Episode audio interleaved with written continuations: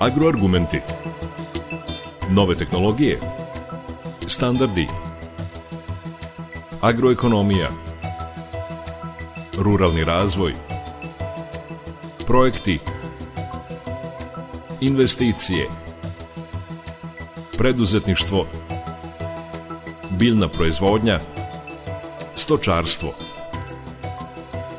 Agroargumenti. Uređuje Đorđe Simović.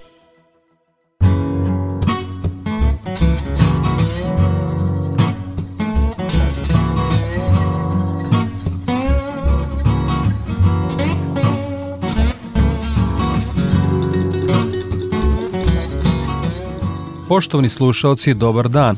Svedoci smo velikih poskupljenja energije u poslednjih godinu dana, pre svega električne energije i gasa, a takođe i fosilnih goriva. Nažalost, tim poskupljenjima nije kraj, što potvrđuje i najavljena viša cena električne energije od 1. maja. Kako je energija skuplja, tako se sve više iznalaze alternativna rešenja u vidu proizvodnje iz hidroelektrana, vetroparkova, ali i biogasnih postrojenja, što je i tema današnjih agroargumenata. Biogasna postrojenja instalacije su koje proizvode biogas iz organskih materijala, kao što su razni otpadni materijali, stajnjak, biljni ostaci, komunalni otpad i drugi. Postrojenja za proizvodnju električne energije na biogas koriste se za pretvaranje biogasa u električnu energiju putem generatora. Ta vrsta postrojenja obično se koristi u kombinaciji sa digestorima koji su odgovorni za proizvodnju biogasa. Digestori su veliki rezervoari u kojima se odvija proces anaerobne digestije u kojoj se organski materijali razgrađuju s pomoć bakterija koje proizvode biogas. U postrojenjima u kojima se koristi stajnjak, on se sakuplja i transportuje do digestora gde se odvija proces anaerobne digestije. Biogas se zatim koristi za proizvodnju električne energije. Postrojenja koja koriste biljni otpad proizvode biogas od ostataka biljaka kao što su kukuruzovina, slama, seno i drugi biljni ostaci. Dobra kombinacija u digestorima su stajnjak uz biljni materijal kako bi se dobila veća količina gasa. Takođe i komunalni otpad se može koristiti za proizvodnju biogasa i električne energije. U vezi sa navedenim, u Novom Sadu je održana konferencija na temu bioenergije u poljoprivredi, a u organizaciji Evropske banke za obnovu i razvoj i ambasade Holandije. Na skupu je predstavljena studija o stanju biogas sektora u Srbiji. O tome će biti više reči u nastavku agroargumenata. Toliko u uvodu slušamo Bajagu i pesmu Ruža vetroba.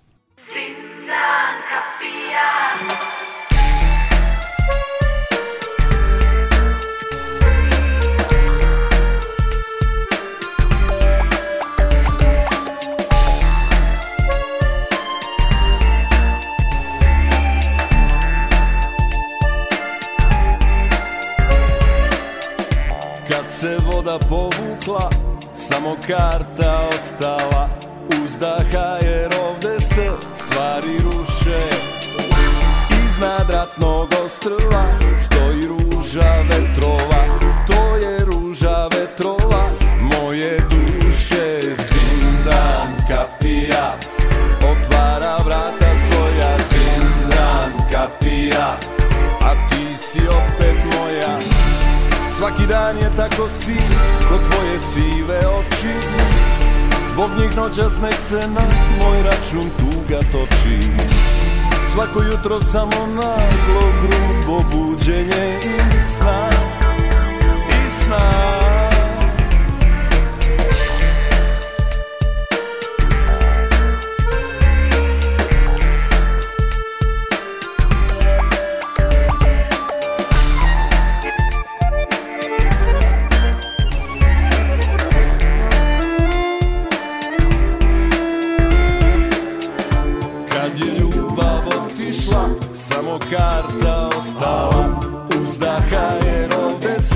stvari ruše Iznad ratnog ostrva stoji ruža vetrova To je ruža vetrova. Moje duše Zindan kapija otvara vrata svoja. Zindan kapija a ti si opet moja. Svaki dan je tako si, ko tvoje sive oči Nek se na moj račun tuga toči Svako jutro kao malo grubo buđenje iz sna Iz sna Tu gde ona stoji sad Šesto godina je grad. A ovde se gradovi često ruše. Iznad ratnog ostrva Stoji ruža vetrova. To je ruža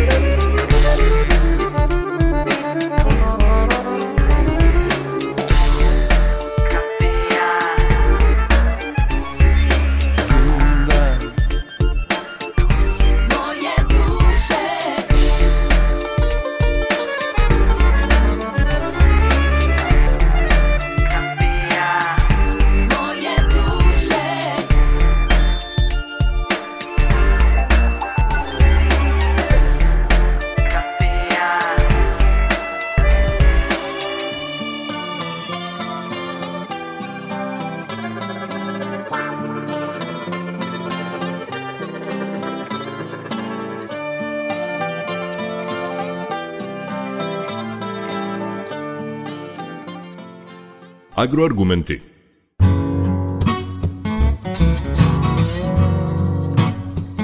U rektoratu Univerziteta u Novom Sadu održana je konferencija na temu upotrebe biomase iz poljoprivrede za proizvodnju energije s ciljem predstavljanja potencijala poljoprivrede, promovisanja savremenih tehnologija i inovacija iz sektora biogasa, kao i primjera dobre prakse iz Holandije. Cirkularna ekonomija ekonomski model koji se fokusira na održivost i smanjenje otpada.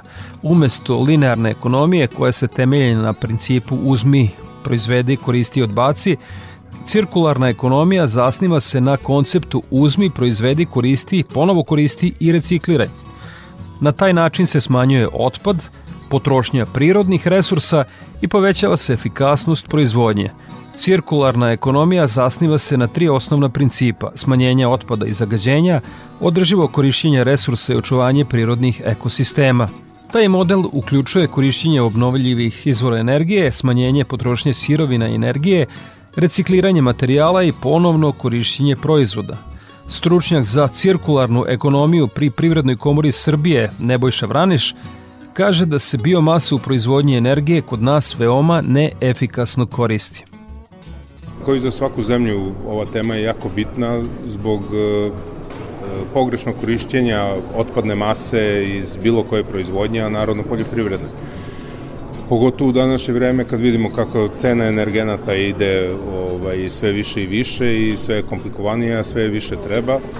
Mislim da naša zemlja u krajnje, trenut, u krajnje vreme da iskoristi maksimalno svoj potencijal iz poljoprivredne industrije, biomasu kao dobijanje da li mazuta, da li energije, da li toplotne energije, tako da mislim da je ovo pravi potez i pravi pravac. Recite nam e, na bazi istraživanja koliki su naši potencijali u ovoj oblasti iz poljoprivrede i ovaj koliko mi toga danas koristimo?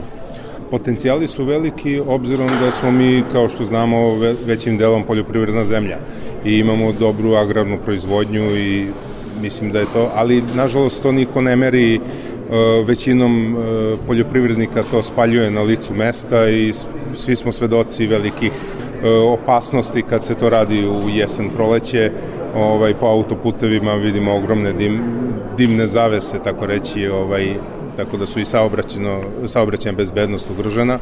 Po pitanju i cirkularne ekonomije i udruženja poljoprivrede u Privrednoj komori Srbije ovaj pravac i ovaj način rešavanja ove vrste otpada je jedino rešenje i najpametnije rešenje. S obzirom na devastirano stanje u stočarstvu Srbije, a s druge strane da znamo da kvalitetne poljoprivrede i održanje plodnosti zemljišta nema bez organske materije, u Srbiji je jedini način na većem delu parcela da se deo te organske materije e, zaore u zemljište i tako e, drži neki balans. Kako ovo sve izbalansirati da opet i proizvedemo energiju, a s druge strane da ne osiromašimo zemljište?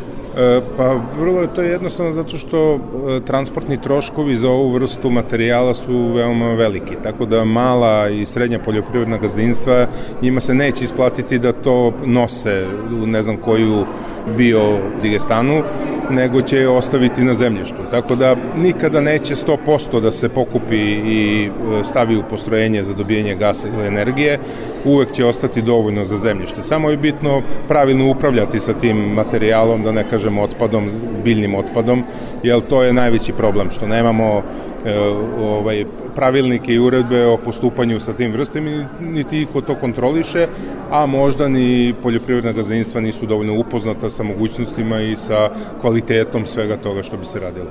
Kada je e, podizanje jednog ovakvog postrojenja isplativo, recite nam te neke granične linije i na kraju možete li se usvrnuti i na pomoć državi i evropskih fondova u podizanju ovakvih postrojenja? Pa, da vam kažem, sigurno su isplativa čim ih Evropa radi, da je mnogo sve skuplje i radna snaga i energija i, i svi ostali manipulativni radovi, tako da oko toga ne bi, to zavisi od vrste postrojenja i od vrste ulaznog materijala i od onoga što želite da dobijete.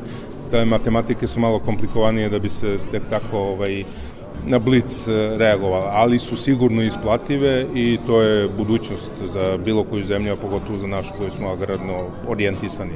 Ekonomista u energetici Aleksandra Kovačević kaže da je efikasno korišćenje biomase ključno pitanje transformacije energetike u Srbiji. Ovog trenutka biomasa učestvuje u ukupnom energetskom bilansu sa neki 16% svi obnovljivi izvori, znači vetar, e, biogaz, sve, sve, sve drugo, učestvuje sa manje od 2%. Znači, učešće biomase je prevashodno u ovom ordinarnom grejanju domaćinstava i tako dalje. Znači, mi imamo vrlo neefikasno korišćenje raspoložive biomase. U tom se nalazi naravno ogrevno drvo, nalaze se otpad iz poljoprivrede, nalazi se naročito ovo od, od kukuruza i tako dalje, nalazi se i neki drugi otpad kućni i tako dalje. Znači to sve čini jedan veliki deo. Kad se sagleda raspoloživa količina biomase, ona je u stvari energetski veća od količine uglja koju Srbija koristi. I efikasno korišćenje biomase je po svemu sudeći ključno pitanje eventualne transformacije energetike u Srbiji.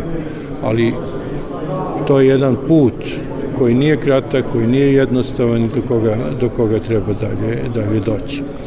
Šta je praksa pokazala kako bi taj put koji nije kratak, sve su svi, svi ovde tu, e, koji bi bili ispravni koraci, da ne pravimo greške koje smo do sad pravili?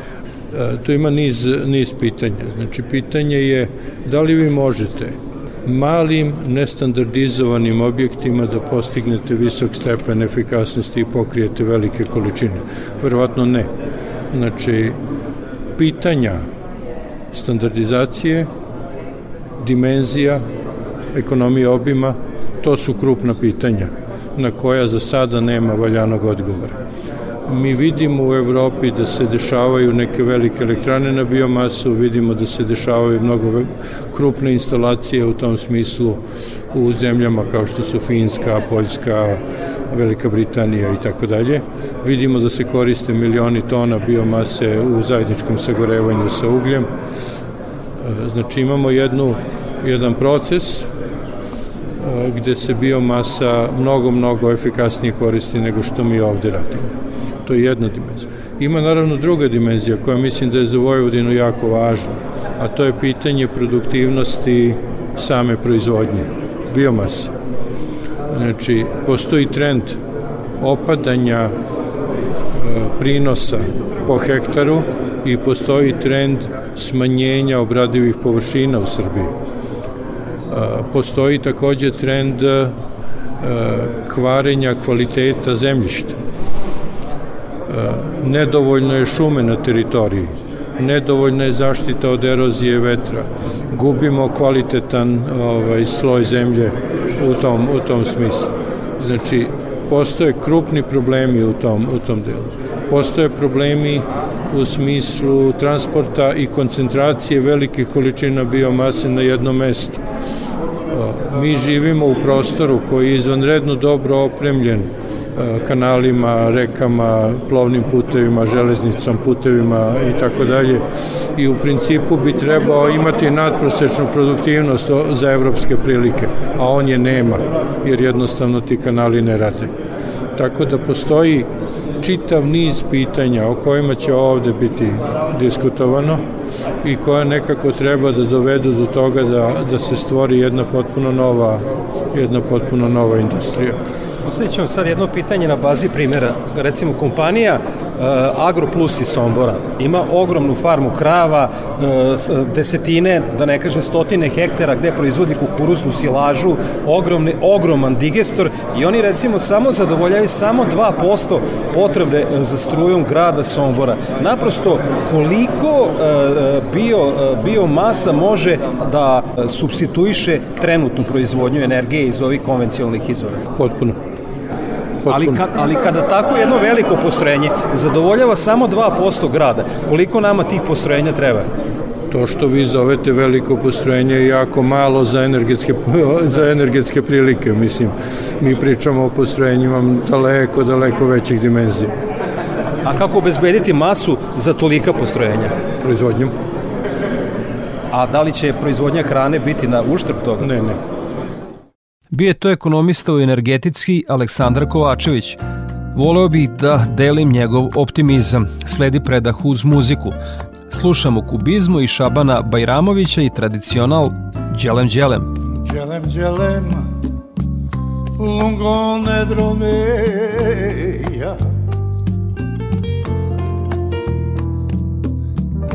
Malak dilem bahtale romesa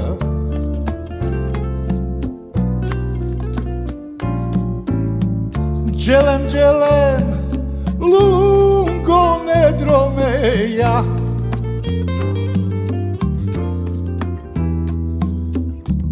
Malak dile ve ve ve ve ve ve Šukare romesa.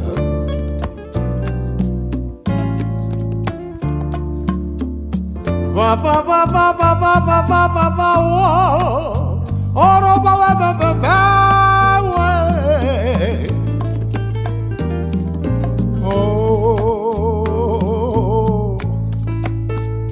We, we, we, we. Ba ba ba ba ba ba ba ba ba ba whoa. Pero ba ba ba ba ba Oh,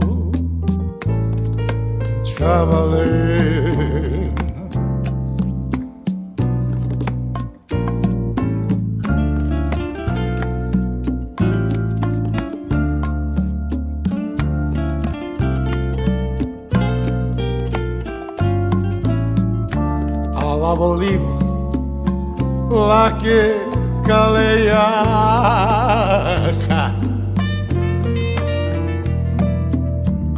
Cai sigur leve be leve, be be be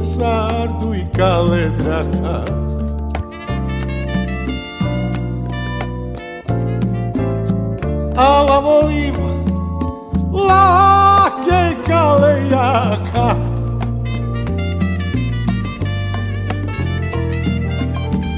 Ca i sigut la bă bă bă bă bă bă S-ar fi cale traca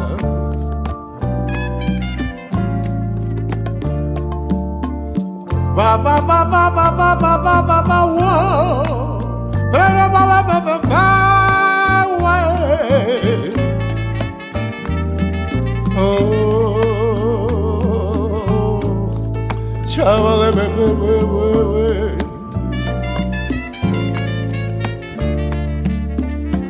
ba ba ba ba ba ba ba ba ba ba whoa. Oh, ba ba ba ba ba. Oh, traveling.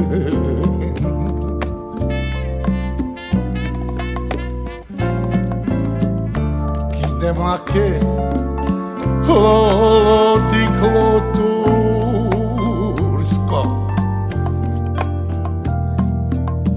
Acılatır acılatır Acılatır kustu.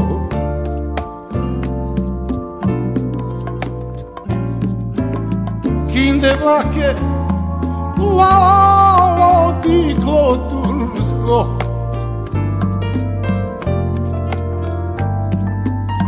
Niman jel va va va va va Acılatır kustu.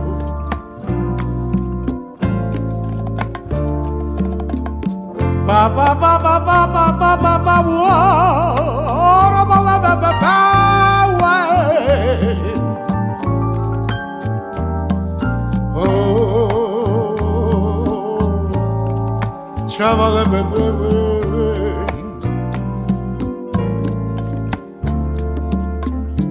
Ba ba ba ba ba ba ba ba ba ba ba ba ba ba ba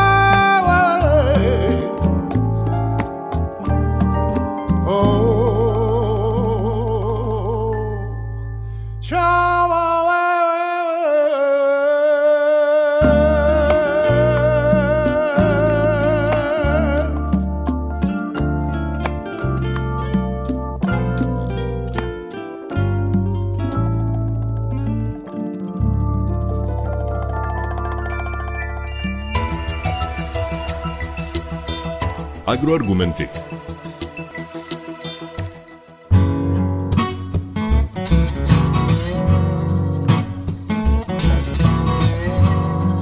Nastavljamo emisiju u kojoj govorimo o potencijalima srpske poljoprivrede u proizvodnji bioenergije. Član upravnog odbora Biogas Udruženja Srbije Goran Knežević govori o realnosti da i kada se podignu biogasna postrojenja postoji niz preduslova da bi ona radila u punom kapacitetu. Evo sad je proteklo 11 godina od kako su prve elektrane puštene u rad, bilo ih je tri. Danas imamo 35 elektrana koje rade i koje funkcionišu onako u najboljem redu. A, do nedavno su svi radili punim kapacitetom, E, međutim zbog e, situacije koja je krenula sa covidom, sad zbog svetske krize, poskupljenja, ove situacije sa Ukrajinom, a, ali i dve loše e, godine što se tiče prinosa, dosta elektrana je prinuđeno da smanji kapacitet, tako da neke rade na 60%. Mislim da je mnogo bitnije pitanje obezbediti prvo, na prvom mestu tu biomasu. Ta biomasa je e, u biogasu, da kažem, nužno zlo. A, nikom nije cilj da radi na biomasu. Cilj je da se prvo iskoriste sve, svi oni a, viškovi, svi oni otpadni materijali, znači sve ono što je nekom balast i što bi neko trebao da zbrine, treba da bude prva sirovina i prvi izbor za biogasne elektrane i to jeste smisao biogasnih elektrana. A, međutim, mi smo u jednoj situaciji gde a, još uvek a, nemamo a, priliku da ljudi sami donose taj svoj bio otpad kako bi dobili neku potvrdu da su zbrinuli taj otpad i onda imamo problem sa plaćanjem te sirovine koja bi po našem nekom e, dubokom ubeđenju trebala da bude u najmanju ruku besplatna. Naravno, e, radi se o kabastim materijalima sa malom specifičnom težinom i uvek je problem transport, e, tako da smo mi zbog neke isplativosti ograničeni na neki prečnik od recimo 20 do 30 km, zavisno od sirovine o kojoj pričamo. Koliko je potrebno okvirno da se jedno takvo postrojenje isplati? Re, reč je o ogromnim investicijama. Investicije su, hajde da kažem, do, do, do pre neku godinu bile moglo je da se jedna megavatna elektrana završi za nekih, hajde da kažemo, do 3, 3,5 miliona evra, sad su cene nešto otišle gore, sad se cenu kreće, kreću tipično između 4 i 4,5 miliona. Ali to sve zavisi od konkretne uh, situacije, šta je sve potrebno u konkretnom slučaju da jedna elektrana na biogas ima. Htio sam da postavim jedno tehničko pitanje. Dakle, imamo proizvodnju gasa u digestatu, dakle da imate kukuruznu silažu, imate stanjak i drugi deo uh, imate verovatno i neke postrojenja koje idu na spaljivanje, tako? Uh, kak, sa, samo u tom tehničkom smislu da nam pojasnite kakvim elektranama je reč. Kada pričamo o spaljivanju, to nisu elektrane na biogas, to su elektrane na biomasu. Raz, suštinska razlika je to su potpuno dve različite tehnologije. U elektranama na biomasu mi govorimo o spaljivanju direktnom, gde je primarna energija toplota, a može da se javi kao sekundarna energija i električna energija. U elektranama na biogas mi imamo proces koji se zove anaerobna digestija, koje se dešava na temperaturama od 36 do 42 stepena tipično u našim uh, uslovima i uh, to vam je proces kao u želucu krave. Znači uh, jedno obično varenje. I primarni, primarni proizvod je biogas. Od koga se onda može proizvoditi električna energija i toplota. Uh, mi te uređaje zovemo kogeneratori. Naravno, postoje i druge opcije. Postoji mogućnost da se biogas proizvedeni e, prečisti do nivoa biometana, da se ubrizgava u nacionalnu gasnu mrežu, međutim još uvek to u momentu nije moguće e, zbog toga što ne postoji zakonska regulativa. Te biogasne elektrane, da li je osnovna e, komponenta njihova, da li mora da postoji stajnjak ili može da se, da se proizvodi gas i bez stajnjaka? E, gas može da se proizvodi e, od bilo koje organske sirovine praktično. Da. Sve što, sve što jede krava da. može da ide u biogasne elektrane. E, čak i više od toga. Znači nisu samo tajnjac je odlična sirovina za biogas. Sirov, odlična sirovina za biogas je sav otpad od hrane, sav otpad iz mega marketa kada istekne rok trajanja, iz nekih restorana, otpad iz poljoprivrede, ostaci iz poljoprivrede, ostaci iz industrije i tako dalje. Kao što ste čuli, član Upravnog odbora Biogas Udruženja Srbije Goran Knežević samo je potvrdio ono o čemu sam govorio u uvodu a na skupu potencijali srpske poljoprivrede u proizvodnji bioenergije i primeri dobre prakse iz Holandije, održanog u rektoratu Univerziteta u Novom Sadu, gosti su predstavili bogato iskustvo u proizvodnji energije iz obnovljivih izvora, Ataše za poljoprivredu ambasadi Holandije Kun van Heneken kaže da se nada da je skup u Novom Sadu tek početak u saradnji stručnjaka dveju zemalja. Generally speaking, those uh, experiences are very positive. We see that uh, biogas generation and the use of biomass is very beneficial, of course, to the climate, which is a very important challenge that we're all facing uh, these days. Pa uopšteno govoreći, zaista su jako pozitivna iskustva uh, koja uh, u Holandiji imamo. Uh, um, proizvodnja biogasa je inače jako dobra i za klimu, a kao što znamo klimatske promene su izazov sa kojima se, sa kojim se svi suočavamo, a osim toga proizvodnja biogasa takođe može po, po poslužiti poljoprivrednim proizvođačima kao dodatni izvor prihoda. E, naravno e, da je to izazov, uvek je e, proizvodnja biogasa izazovna, međutim tu su, tu su naravno su, oni izazovi sa kojima se suočavamo su sirovine, a takođe i troškovi transporta. Međutim, ukoliko udružimo snage, ukoliko razmenimo iskustva, ja vidim da će to zaista biti moguće. A zato smo i došli u suštini da e, vidimo kako možemo da e, radimo na e, proizvodnji biogasa i na tim pitanjima, da vidimo kako možemo da dalje učvrstimo veze između dve zemlje i kako možemo da pojačamo saradnju i upravo s toga smo danas došli tu. Konferenciju Potencijali srpske poljoprivrede u proizvodnji bioenergije i primeri dobre prakse iz Holandije otvorio je ambasador Kraljevine Holandije u Srbiji Just Reintjes. We all know climate change is here and one of the things we can do is use bio-based industry, especially biogas. E, Naravno, moramo prvo reći da su klimatske promene e, ovde prisutne i da će nastaviti da budu prisutne. E, Jedna od stvari koje mi možemo da učinimo u vezi sa tim je biogas u stvari i on pruža mnoge mogućnosti. Možemo reći da ako idemo na saradnju između Holandije i Srbije, na saradnju između privatnih kompanija, između privatnog sektora, između državnog sektora, znači između vlada i na svaku drugu vrstu saradnje, možda ćemo biti u mogućnosti da nešto zajedno učinimo. I e, kao što smo imali priliku da čujemo e, tokom e, današnje konferencije, postoji zaista interesovanje i, i kod kompanija u privatnom sektoru i u, među institucijama znanja, odnosno na univerzitetskim krugovima, a takođe i u državnim krugovima. Tu govorimo i o organima Vojvodine i o centralnoj, centralnoj vladi, znači organima Srbije. Postoji veliko interesovanje za e, biogas i za ove teme. E, Holandija je drugi najveći izvoznik poljoprivredni u svetu i mi mislimo da mi možemo mnogo toga da ponudimo Srbiji, ali isto tako mislimo da Srbija može i nama da ponudi mnogo svojih potencijala.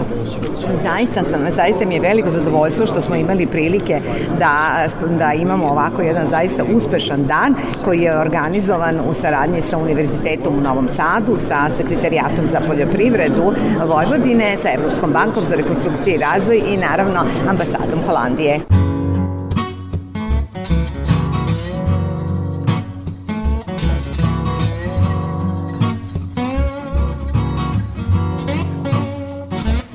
Učesnici konferencije složili su se da su u ovo vreme kada se suočavamo sa ekstremnim klimatskim i energetskim izazovima potrebna efikasna i inovativna rešenja koja omogućuju prestanak upotrebe fosilnih goriva i prelazak na zelenu ekonomiju kao i stvaranje životne sredine koja je adaptirana na klimatske promene. Potencijal za generisanje i upotrebu biomase u Srbiji veoma je veliki. Međutim, Srbija je sa ukupno nešto više od 30 malih biogasnih elektrana koliko u ovom trenutku ima, tek na početku tog puta. Da bi se ova ideja sprovela u praksi, potrebno je napraviti još mnogo pionirskih koraka, sprovesti veliki broj istraživanja i uključiti sve zainteresovane strane od malih farmera i partnera do države i relevantnih institucija. Toliko u agroargumentima koje smo snimili na skupu potencijali srpske poljoprivrede u proizvodnji bioenergije i primeri dobre prakse iz Holandije održanog u rektoratu Univerziteta u Novom Sadu. Za kraj emisije slušamo pesmu Strankinja Splavi Ice, legendarne Azre sa albuma Filigranski pločnici iz 1982. godine, a povodom jučerašnjeg 70. rođendana legendarnog frontmena te grupe Branimira Džonija Štulića. Ja sam Đorđe Simović i pozivam vas da ostanete uz Radio Novi Sad. Svako dobro!